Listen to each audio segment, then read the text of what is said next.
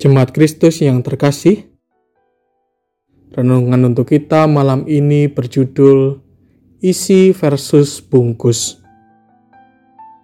Dan bacaan kita diambil dari 1 Korintus 2 ayat 1 sampai 5. Demikianlah firman Tuhan. Demikianlah pula ketika aku datang kepadamu, saudara-saudara, aku tidak datang dengan kata-kata yang indah, atau dengan hikmat untuk menyampaikan kesaksian Allah kepadamu. Sebab aku telah memutuskan untuk tidak mengetahui apa-apa di antara kamu selain Yesus Kristus, yaitu Dia yang disalibkan. Aku juga datang kepadamu dalam kelemahan dan dengan sangat takut dan gentar. Baik perkataanku maupun pemberitaanku tidak kusampaikan dengan kata-kata hikmat yang meyakinkan, tetapi dengan keyakinan akan kekuatan roh. Supaya iman kamu jangan bergantung pada hikmat manusia, tetapi pada kekuatan Allah. Saat ini kebanyakan orang memilih ibadah lebih mempertimbangkan keren atau tidaknya penampilan si pengkhotbah, cara berbicara pengkhotbah yang gaul, asik atau tidak ibadahnya. Bahkan keren atau tidaknya gedung gerejanya.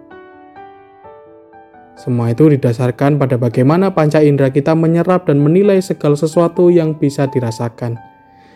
Orang tak lagi melihat kedalaman dan pemaknaan khotbah yang tepat, kehangatan persekutuan, visi yang akan dikerjakan bersama dalam pelayanan ataupun hal-hal lain yang lebih mendasar. Bahkan memperjuangkan hidup dalam kasih juga tak lagi menjadi poin penting dalam kehidupan kita. Dengan kondisi ini, maka tak heran pribadi-pribadi yang dengan setia dan tulus melayani jemaat akan tenggelam daripada orang-orang yang mampu tampil mengesankan di atas panggung atau mimbar.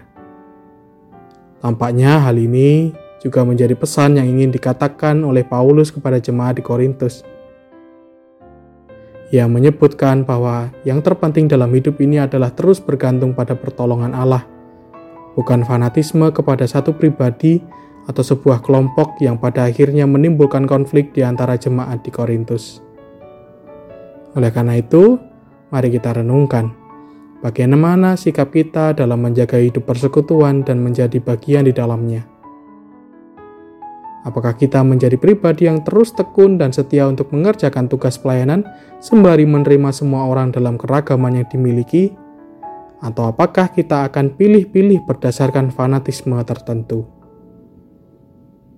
Dengan kita tetap melihat secara jernih pada hal-hal yang lebih penting, maka kita akan memberikan tempat pada pertumbuhan iman dan komunitas yang saling membangun, bukan komunitas yang saling menguasai.